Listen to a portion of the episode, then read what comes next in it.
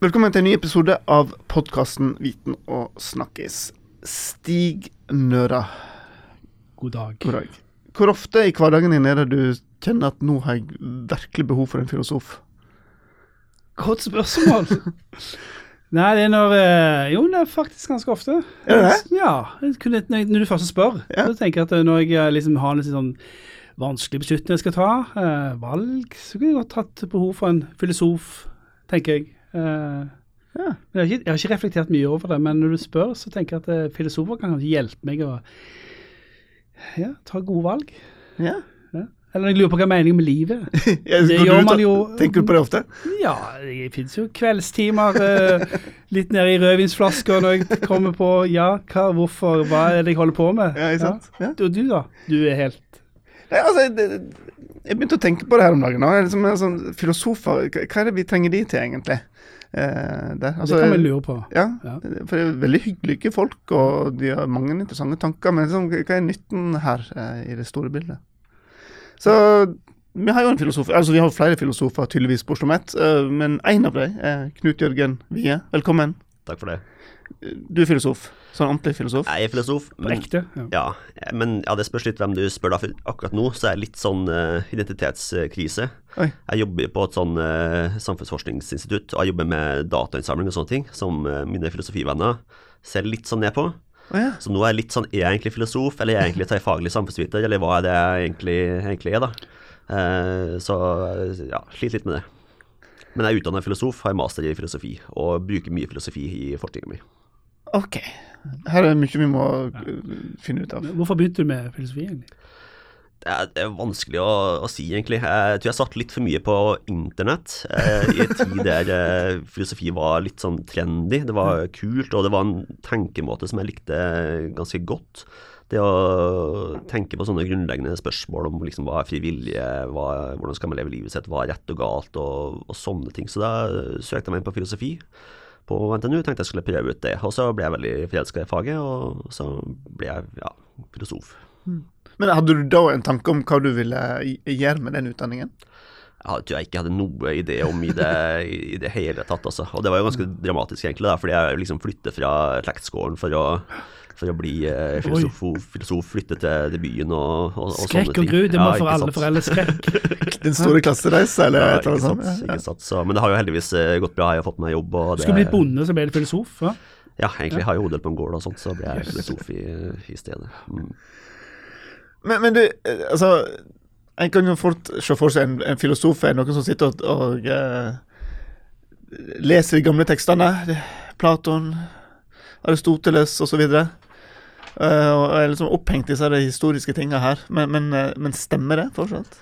Eh, Noen gjør det, eh, så det er litt sånn arbeidsdeling på det. Så Du kan tenke på det som kanskje grunnforskninga vår. Hvis du tenker på fysikk, så sitter også veldig mye folk rundt og tenker på veldig abstrakte ting som ikke har noe egentlig med den virkelige verden eh, å gjøre. Eh, Så er det andre fysikere som jobber med veldig konkrete problemstillinger. Altså, hvordan kan vi skyte denne raketten der til Mars, og, og sånn. Og litt sånn er det også i, i filosofien. Vi har noen som sitter og gjør grundige lesninger av disse gamle tekstene, lærer seg gammelgresk, bruker hele livet sitt på, på det. Eh, Men så er det også noen sånn som, sånn som meg, da, for eksempel, som jobber med etikk, som anvender det som de finner da i vår eh, grunnforskning, på eh, ekte problemstillinger som vi har i eh, samfunnet i dag. Men, men det er mulig bare for oss som ikke kan så mye. eh, hva, det er mye sånn myter omkring filosofi. Eller hva, hva er det egentlig? Altså, er det mulig å definere det? Ja, det er et kjempe, kjempegodt eh, og vanskelig eh, spørsmål. og Det er noen som har prøvd å lage en bok om det her, der de har spurt masse filosofer om hva er filosofi. Og hver filosof har sitt eget svar på det, så det finnes ikke noe sånn allment akseptert definisjon på det. Og filosofer jobber med veldig mye forskjellige spørsmål. De jobber i et som bredt av eh, forskjellige ting. Eh, De har noen ting til felles, altså man er ganske opphengt i logikk, eh, kritisk tenkning og, og sånt. Det har man stort sett til, til felles. Eh, Men utover det så er det vanskelig å komme med noen god definisjon. Altså. Man jobber ofte med ganske grunnleggende spørsmål, det kan man si. Eh, Men utover det så er det, det unndrar seg litt definisjoner. Ok, men det store spørsmålet er nå Hva slags nytte kan vi gjøre av en filosof eh, nå, når vi nærmer oss 2020? Ja, og Det er et veldig sånn typisk eh, spørsmål som vi filosofer ofte må, må, svare på. Vi må hele tida rettferdiggjøre at vi har valgt å bli eh, filosofer. fordi de, de fordommene som folk har, er at filosofi er fullstendig uh, unyttig og bortkasta og sånne ting. og Det ser vi nå f.eks. i Brasil. Der har den nye presidenten der, han har, kuttet, han har sagt han skal kutte finansieringa til både filosofi da, og sosiologi, med den begrunnelse at nei, det her er ikke nyttig. Det er best om folk bare studerer praktiske fag, eh, yrkesretta fag. Samme har man sett i Japan, der man kutta kraftig i eh, humanistiske fag. Han der eh, Marco Rubio, han som var kandidat for republikanerne i presidentvalget sist, han sa at nå må vi, vi må slutte å utdanne så mange filosofer. Vi må ha flere sveisere i, i stedet, eh, fordi sveisere tjener mer penger. Mm. Eh, at det var en faktafeil, det var ikke så, så viktig for han, fordi filosofer tjener jo tilfeldigvis bedre enn eh, en disse her sveiserne, både i Norge og i USA. Jeg sjekka, sjekka det i går. Ja, eh, ja. Så, men eh, så fakta er at uh, hvis du går til USA, og så finner du at uh, veldig mange veldig rike folk der er faktisk filosofer. Men er det begrunnet i filosofer, eller er det andre ja, årsaker? Hvis du spør dem, så uh, sier de det. At de har blitt rike pga. filosofi. F.eks. så er det en veldig veldig rik amerikansk forretningsmann som heter for Bill Miller. Han ga, jeg tror det var i fjor, så ga han 75 millioner dollar, altså 600-700 millioner norske kroner til Det filosofiske instituttet ved Johns eh, Hopkins. Eh, fordi at han sa at fordi jeg lærte meg god kritisk tenkning i filosofi, så ble jeg kjemperik. Og der vil jeg gi eh, noe tilbake for. Men hva er det i filosofien som er så perfekt for tror, kapitalismen? Si? Jeg, tror, jeg tror når det gjelder finans, eh, så er det at du kan tenke utafor boksen. boksen ja. Ja. Eh, du tenker veldig kritisk. Du aksepterer Du tar, tar ingenting for gitt.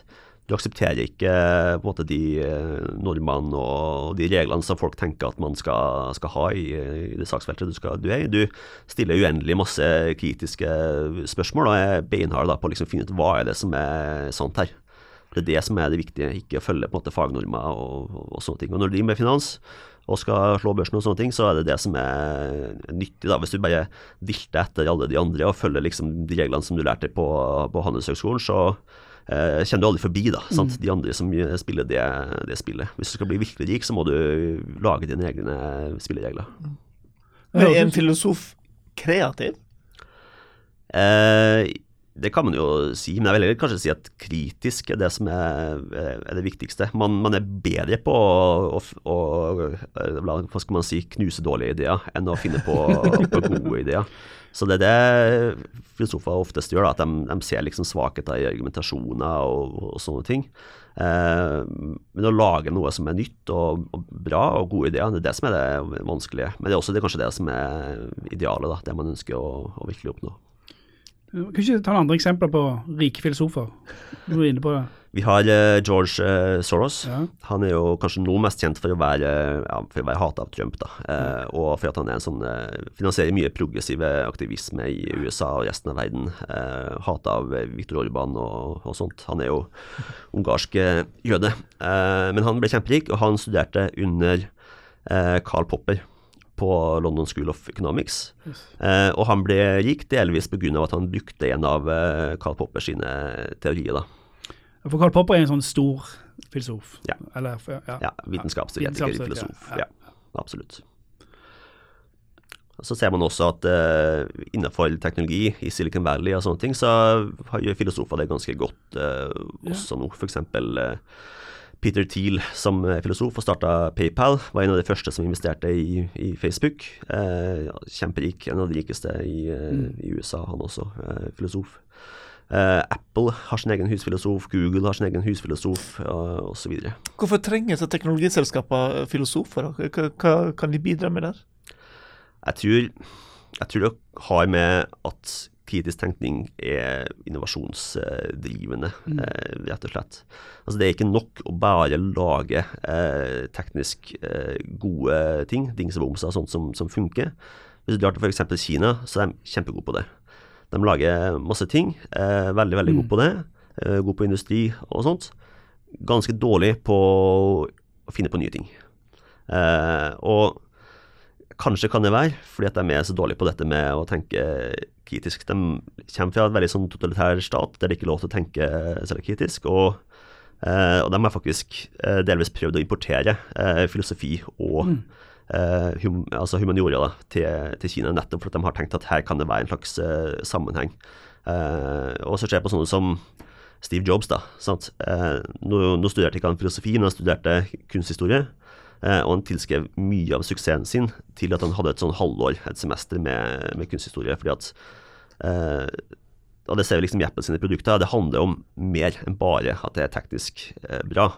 Altså, En Mac er jo det samme innmaten som en, som en PC, sånn cirka. Men eh, det er alt det estetiske rundt det så han da, at var viktig å, å få, på, få, på, plass. Så det å, det å liksom lykkes i Silicon Valley, det handler jo mye mer enn bare at du, har, at du er skikkelig flink til å programmere, eller at du er skikkelig flink til å lage gode datachips og, og sånne ting. Du må mm klare å bygge noe større merkevare eller, eh, eller et produkt. rett og slett, og Det krever mer enn bare disse tekniske ferdighetene. og Da kan filosofi være en av flere ting da, som kan eh, bidra der. Så her trenger vi en storsatsing på filosofi. Altså, hvis vi, Norge er sånn, vi skal bli gode på innovasjon og liksom, sånne ting. Altså. Det gjelder ikke å utdanne flere økonomer på NHO. Vi må som eh, styrke Blindern på ja. filosofidansen. Ja, vi må utdanne, en, begynne utdanne her på Oslo Met. Ja. Nå ble jeg litt så nervøs derfor at jeg har vært for overbevisende. fordi jeg vil jo ikke at alle skal bli filosofer, selvfølgelig. Nei, men, uh, men vi iallfall ikke legge ned studiene som det er en trend internasjonalt at humanistiske studier får stadig dårligere kår. Det, det gjelder. Men også i Norge så har man jo til stadighet altså, mange krav om at man skal legge ned X-Fill. Så det er hele tida som vi vi liksom rykke ut og prøve å redde denne her ordninga. Men, men du, du, var inne på teknologi. Uh, dette med kunstig intelligens nå, som er liksom det O-store innenfor uh, teknologifeltet. Uh, mange som snakker om at dette setter oss på en del uh, prøve. Altså hele forståelsen av vår egen hjerne og menneskets natur, og kanskje innenfor kritisk tenkning. Er, er, trenger vi filosofer til å hjelpe oss gjennom denne her revolusjonen? Ja, og det er også kanskje en av grunnene til at man har disse filosofene i, uh, i Silicon Valley, det at dette med etikk er jo ganske viktig. og det, I gamle dager så kunne du i stor grad ture på uten å tenke så mye på liksom, om produktet er etisk forsvarlig og konsekvenser og, og sånne ting. Eh, folk aksepterer ikke det eh, lenger. Hvis du lager noe som er skikkelig uetisk, så lages det kampanjer på Facebook, og merkevaren din går på en, eh, en kjempesmell. Da. Så folk skjønner at du kan ikke drive med innovasjon og sånt uten at du også tenke på det etiske. Og det gjelder også i eh, kunstig intelligens. Da. Altså, enkelte, nå kan jeg kanskje ikke overdrive, men enkelte som eh, Stephen Hawking og, og sånt advarer liksom om at dette kan bli menneskehetens undergang. Da, sant? At disse kunstig, denne kunstige intelligensen skal ta, ta over verden og, og, sånne ting. Det er kanskje litt sånn overdrevet, men det, det, er klart at det reiser seg ganske mye sånne etiske spørsmål i det her. Altså hva skjer med arbeidsplassene til folk? Eh, hva på en måte er eh, rettferdig fordeling av de her eh, ressursene? Sant? Altså de som har eh, rike fra før av, de vil ha råd til å ha, ha kunstig intelligens og kan dermed liksom forsterke sin rikdom, at det kan bli økte klasseforskjeller og sånt med denne teknologien. Så det reises en del utfordringer som ikke bare er tekniske med kunstig intelligens, som, eh, som filosofer kan da hjelpe til med å forstå og, og håndtere. Eh, og så er det også sånne ting som begynner på liksom, hva, er, hva er intelligens? Eh, det har filosofer tenkt på i, i alle år. og, sånt. og der tror jeg filosofer har mye å, å, å bidra med. For Mye av kunstig intelligens nå det er at man, man, tenker at man skal trykke flest mulig transistorer ned på en uh, dataship, og så lager man noe maskinlæring, og så skal det liksom revolusjonere uh, verden. Også. Men hvis du skal sammenligne det med den type intelligens som vi har, så er det liksom radikalt uh, forskjellig. Vi omgås verden på en helt annen måte enn disse her datasystemene gjør. Og det finnes det filosofer som, som jobber med altså hvordan, hvordan funker egentlig intelligens, og hva kan ja, de som jobber med kunstig intelligens, da lærer av uh, måten vi mennesker er intelligente på. Mm. Men hvis du liksom tar liksom, blikket mot liksom, traust norsk arbeidsliv, altså ikke mot de store tech-selskapene, hva, hvor, hvorfor skal de ansette filosofer? Eller trengs de der òg? Ja, altså nå har vi jo ikke noe arbeidsledighet i Norge, så alle får seg jo jobb. Eh, og jeg sjekka statistikken på det her i, i, går, eh, og filosofer får sånn Norske filosofer får stort sett sånn vanlige jobber. De fleste jobber som rådgivere eller konsulenter i, eh, i staten, eh, eller som lærere. Eh, det vil si, de som kom helt på toppen, de var selvstendig næringsdrivende. Og hva de driver med, det vet jeg ikke. Så det skal jeg ikke si. Men det, er- det er veldig sånn typisk for Norge, og det, det er veldig sånn kulturforskjeller mellom land. Hva, hvem er det som gjør de forskjellige jobbene? Hvis du drar til Storbritannia, så har eh, 60% av alle ledere er humanister eller eh, samfunnsvitere.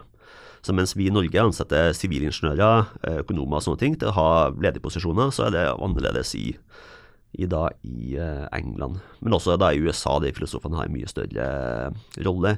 I Frankrike så er filosofer mer respektert enn i, i Norge også, så det er litt sånn fra land til land hva slags jobb man, man får, da. Eh, det- Frank er jo nesten filosofer rockestjerner. De har ja, sånn, mye på TV-en og sånt. Du, kan, ja, du ser nesten aldri filosofer på TV-en i, i Ja, det er sjelden, altså. Hva, ja, dette er kanskje et vanskelig spørsmål, men, men har du noen forklaring på det? Hvorfor filosofer er så uglesetta i Norge, eller er- ikke anser, man ikke setter pris på kompetansen? Eh, det er dem som allerede har toppjobbene. De ansetter folk som liker seg sjøl, som kommer fra de samme institusjonene eh, osv. Eh, og da blir det litt sånn selvforsterkende. sant? Altså dem som liksom kommer først, og så eh, de reproduserer seg sjøl, da. Eh, og det Filosofer har jo egentlig aldri hatt noe særlig eh, rolle i eh, norsk offentlighet, eh, i norsk arbeidsliv, som har vært på, på nivå med eh, det type amerikanske eller, eller engelske. Eh, Så det kan være litt derfor. Eh, Men det blir jo mest spekulasjon fra, fra min side. Er interessant. Ja. Men Knut Jørgen, du jobber da på Arbeidsforskningsinstituttet, AFI, her på Oslo OsloMet. Eh, hva gjør du der som filosof? Det jeg forsker på, det er forskningsjuks. Eh, og det, i det så ligger det jo flere filosofiske perspektiv. Det ligger litt sånn vitenskapsteori. Hva er god forskning? Hva er dårlig forskning? Hva slags praksiser er akseptable? Og hva kan kvalifisere da som juks eller eh, uredelighet? Eh, Det er ikke alltid så enkelt å, å trekke opp de, de linjene, og det kan man da som filosof liksom gå inn med et kritisk blikk og prøve å sortere litt og ordne litt opp i de eh, begrepene. Eh, og så jeg ser på det fra, en, eh, fra etikksida også, i en stor del. Eh, Det, er, det, er, det, altså, det jeg er egentlig mest interessert i faglig, det er hvordan kan du bli en bra person? Hvordan kan du ta gode valg? Og det er ikke så, så enkelt. Det handler om mer enn at du bare må vite hva som er, rett og galt. Altså Så hva er det egentlig som skal til for det? Og det vi ser, er at det handler mye om eh, erfaring, vaner og, og den slags type ting. Og det har vi fra Aristoteles. Han har et sånn fagbegrep som heter for eh, fronesis, som går på at eh, det er ikke nok å på ha kunnskap, du må også ha evne til å se verden på en sånn måte at du skjønner hva som er riktig å, å gjøre. For det kan være ganske komplisert, og det kan være ganske vanskelig å få gjort det rette selv om at du vet hva, hva det er. For du kan mislykkes f.eks. For fordi at du har for lite erfaring eller, eller, eller sånne ting. Uh, og det er et fagtema som har stått seg ganske godt, og som har på en måte blitt uh, henta opp igjen sånn på 50-tallet. Det var død fra opplysningstida frem til, frem til da. Uh, og, og vi ser at det harmonerer ganske bra med det moderne psykologi på, på forskning da, på hvordan folk faktisk tar etiske beslutninger og, og sånne ting. Eh, og når vi skjønner oss mer på, på det, så ser vi hva slags rolle f.eks. konteksten du er i, kan spille for at du tar dårlige etiske valg. Og Eksempelet da i akademia som jeg forsker på, er at forskere er utsatt for et enormt press, Mm. eh, uten at de nødvendigvis er trent i å håndtere det presset. Samtidig så er det jo ganske enkelt ofte og juks. Altså ikke moralsk enkelt, men teknisk eh, enkelt. Eh, og det blir veldig sånn overveldende og fristende for, eh, for folk, og da, da bukker de under, da, og så faller de ofte for, for fristelser. Eh, og ja, da har vi da f.eks.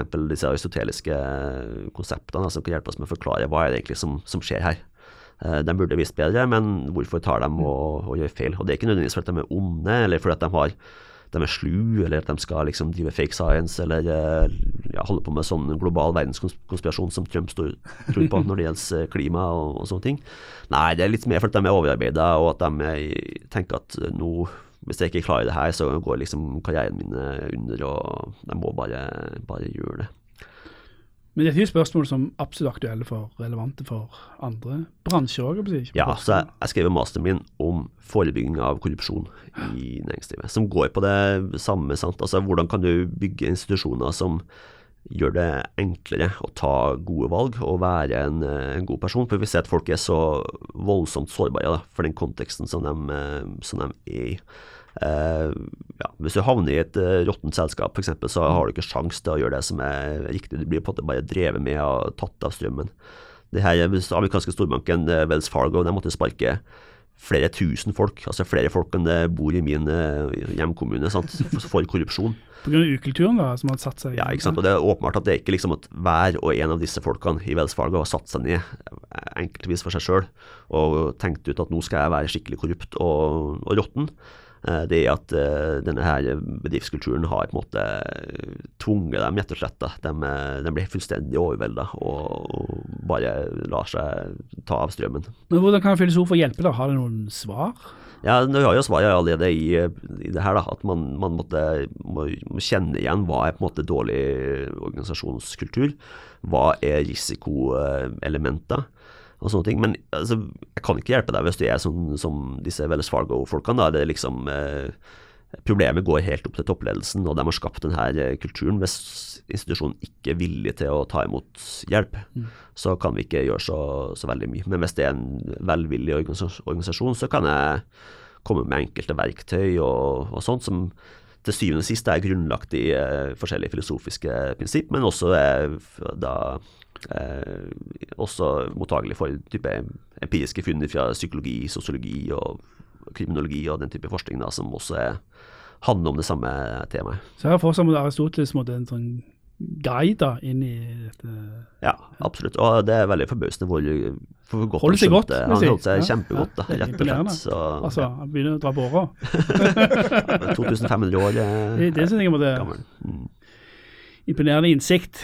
Vi er jo inne på en uendelig mengde etiske spørsmål, særlig. Eh, jeg studerte jo på NTNU, eh, og Det filosofiske instituttet er kjempeflink på å skjønne at eh, de kan lage veldig gode synergier på å jobbe med de tekniske miljøene på det universitetet. Da. Så de, de jobber med type ting som altså medisinsk etikk, nanoetikk og bioteknologietikk og næringslivsetikk og, og sånne ting.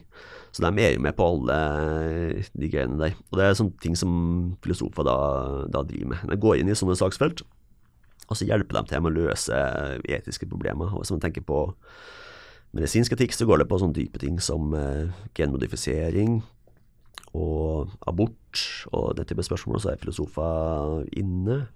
Når det gjelder næringslivsetikk, så har jeg for så vidt snakka litt om også, men eh, det, det, tenker man også på sånne ting som hva er gode forretningspraksiser, hva er liksom rettferdig eh, forretningspraksis, hva, er, hva slags ansvar har bedrifter når det gjelder selvfølgelig menneskerettigheter og, og alle sånne ting. Og så har man eh, ja, generell teknologietikk, det har vi vært inne på. Eh, eksistensiell risiko er det ganske mange som eh, jobber på for tida. Eksistensiell risiko, ja. altså om vi overlever som art, eller? Ja, rett og slett. Da. Eller ja, hva er alle måtene vi kan gå til, gå til grunne på? det, det, er veldig spennende. ja. Jeg bare ja, det, det, er mye rart eh, der. Det er liksom sånn type ting som kunstig intelligens, eller at vi skal lage sånne små nanoroboter som kan være selvreproduserende, som bare spiser spise hele verden og bli en slags Det kaller man en, en grey goo. Uh, ja, masse filosofer som jobber med global uh, rettferdighet uh, og sånn type effektiv altruisme. Jeg vet ikke om dere har hørt om, om det. Men han, filosofen Peter Singer har laga sånn kjempestor bevegelse av folk som gir bort pengene sine og prøver liksom å gjøre verden til et bedre sted på mest mulig effektivt vis. Eh, så i bistand så har filosofer en del eh, innflytelse. Eh, feminisme og kjønn, den type spørsmål er filosofer ofte, ofte inne. Likestilling og sånt. Politisk filosofi er kanskje det viktigste, tenker jeg. fordi hvis du ser på alle de rettighetene vi har, frihetene, institusjonene og sånt som vi har rundt oss, så tar vi dem ofte for gitt. Men de har blitt kjempa beinhardt for, og i veldig stor grad av eh, filosofer. Mange av dem er funnet på av eh, filosofer. sant? Altså Maktfordeling med Montesquieu og, og, og sånne ting. Mm. Eh, så det kan også være en sånn grunn til å, til å ivareta filosofien da, som en slags beredskap for å skjønne oss på og, og vokte de institusjonene som vi ser i dag at er ganske trua i eh, ja, enkelte deler av Mer aktuelle enn noensinne? Ja. Sånn sett så tror jeg filosofi kommer til å ha det greit fremover. At disse truslene om å legge oss ned kan kanskje bli dempa litt, da. Ja. Når man ser disse bølgene med populisme og, og, og sånne ting, liksom, hvor sårbare disse institusjonene faktisk, faktisk er. da. Men kanskje dere mer har sånn omdømmeproblematikk? Dere må liksom selge det bedre. Hva?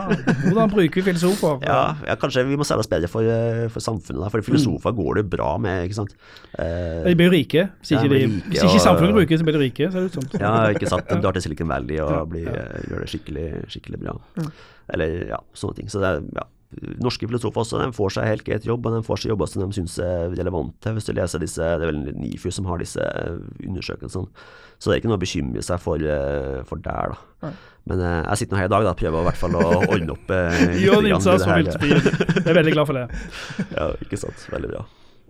Eh, men ellers så kanskje det, vi, kanskje det folk forbinder mest med filosofi, er jo dette med hva er meninga med livet? Har vi fri vilje? Og den type spørsmål. Og det drives det jo fortsatt i, i stor grad med. Og det det, det, selv, altså, det, er mange som livnærer seg bare av å skrive bøker om filosofiske bøker om den type spørsmål, eller ja, lage podkast og, Jeg Har det svaret? Hva er meningen med livet? Har kommet nærmere svaret på 2500 år, eller er det fortsatt på Aristoteles? Ja, jeg tror jeg man kan uh, ha gjort litt fremgang. Uh, jeg vet ikke, Dette blir litt mer sånn personlig, tenker jeg. At, hva er meningen med livet? Ja, jeg har ikke brukt så mye tid på å tenke på det som uh, kanskje andre. Men jeg tror man på at det handler om å bedre seg sjøl. Det tror jeg er viktig. At man liksom ikke kaster bort livet sitt på på, på, tull. At man eh, prøver å gjøre så det beste man kan eh, ut av det. Bli en så bra person man kan. Så ja. god person, så raus sånn som mulig som man kan med dem man har rundt seg. Gi et bedre liv til dem og sånne ting. Det tror jeg i hvert fall, om det, om det ikke er meninga med livet, så tror jeg det er veldig meningsfullt. Sant? Så Det ja. kan man skille mellom. Da. Så det er kanskje ikke noe, jeg tror kanskje ikke at det finnes noe sånn stor, overordna mening med, med livet som, eh, som, man må eh, søke, men man kan gjøre masse ting som både meningsfull for deg og for, eh, for de folkene som har i, rundt seg, som gjør livet verdt å, å holde på med. Mm. Eh, og det er også, På et vis så er det befriende. Sant? Hvis det ikke finnes noen mening med livet, så kan du ikke mislykkes. Sant? Det er, det er, det som er risikoen hvis det finnes en sånn svær, overordna mening. Dette er meninga med, med, livet. Så oh, oh, ok, klarer jeg det her, da? Det kan bli skikkelig vanskelig. Altså nei, mislyktes. Ok, det var, det var sjansen din. Det gikk ikke. Kjipt for deg. Det må jo gå an å leve et godt liv uten å, at det er mening bak det hele. Ja, Hva tenker du på da? Hvordan begynner du det? Nei, altså Sette seg sine egne fine mål. Altså, du tenker ikke å ha altså, Med en gang en skal sette opp eh, en, en, mening bak det hele, så som du er inne på, så setter du på noen tvangstrøye med en gang. Ja, ikke sant. Og ja, nå avføyer du også at du er en filosof for deg, og det pleier jeg å jeg pleier å si da at alle er filosofer, egentlig. Ja. Du kan ikke gå gjennom livet uten å tenke på hva er meninga med livet, hva er rett og galt, hva bør det gjøre, og sånne ting. Og, og sånn sett så er jo filosofi nyttig i den forstand at alle, alle driver med det. Ja. Ja, ja. Ble du smartere nå, oss? Ja, jeg tror det. Var, eh, spesielt det med at du kunne bli så rik av å studere filosofi. Ja, det, det, det, det, du tar Jeg vil si det til alle foreldre som hører på. Du trodde du skulle sende ungen din til NHH på økonomistudier for å sikre en trygg og god framtid? Nei. Send dem på filosofistudiet, eller gi dem boka av Astoteles. Så det er bedre investering. Du, en, en, siste ting. Du jobber jo da som filosof. Uh, hvordan ser en, uh, en hyggelig lørdagskveld ut sammen med deg med en flaske rødvin? Blir det bare tunge samtaler og, og kritisk tenkning, eller klarer du å ta fri fra jobben? Nei, det er altså, det, altså fri fra jobben. Altså, det er litt sånn uh, Jobben min føles veldig som, som fritid. Da, sant? Jeg får masse penger fra staten til å sitte og drive med, med filosofi, så det er jo liksom eh, lidenskap. Det er, jo, det er, jo, kjennes ut som man bare gjør det man, eh, man liker å holde på med hele tida. Så man går liksom aldri av jobb som, eh, som filosof. Men du, til slutt, har, har, du et lesetips til oss som trenger litt mer input på filosofien? Hva var en enkel Bortsett fra Arne Næss sin innføring eller et eller annet. Ja, altså Det enkleste er å, å lese Hvis man kan begynne med filosofi, så ville jeg kanskje ha begynt med litt uh, Platon. Altså leste dialogene til, Dialog til Platon, til han. For de er liksom, de skrevet i dialogform, ganske lett å komme seg, seg inn i. Uh, så jeg ville kanskje begynt der. Og det er også veldig sånn eh, øyenåpnende. Da. Hvis man tenker på at de levde for 2500 år siden, så får man veldig sånn Man blir veldig slått av hvor like de, de er oss, da. Sant? Eh, så man som tenker liksom på filosofi som noe som er fremmed, kanskje litt skummelt, kanskje litt eh, eh, høy terskel for å sette seg, seg inn i, så kan man begynne med, med de spørsmålene som reises eh, i, i de verkene der, da, for de er relativt tilgjengelige, eh, og skrevet på en sånn måte at du at du kjenner deg liksom igjen i karakterene og, og sånn. Ja, Halvard. Da, Du dropper du serien i kveld og hjem til Platon og dialogen. Den er grei. Så får vi møtes en liten lesesirkel senere og tolke det hele. På lørdagskvelden. Ja. Knut Jørgen Wie, tusen takk for at du ville komme og lære oss litt mer om eh, eh, Livet. ja, om livet, ja. Og nytten av filosofer. Det det. Eh, Så kan hende vi ringer deg en kveld hvis vi står eh, skikkelig fast eh, i jeg vet ikke, barneoppdragelsen eller må skifte dekk. Det er ganske stive stiv timepris, da, men det er greit. Spesielt det med skifte dekk. Det har jeg store utfordringer. Ja, Mm, og der trengs det kritisk tenkning. nettopp. Og til dere som hørte på, eh, takk skal du ha. Vi kommer tilbake med, med en ny episode veldig snart.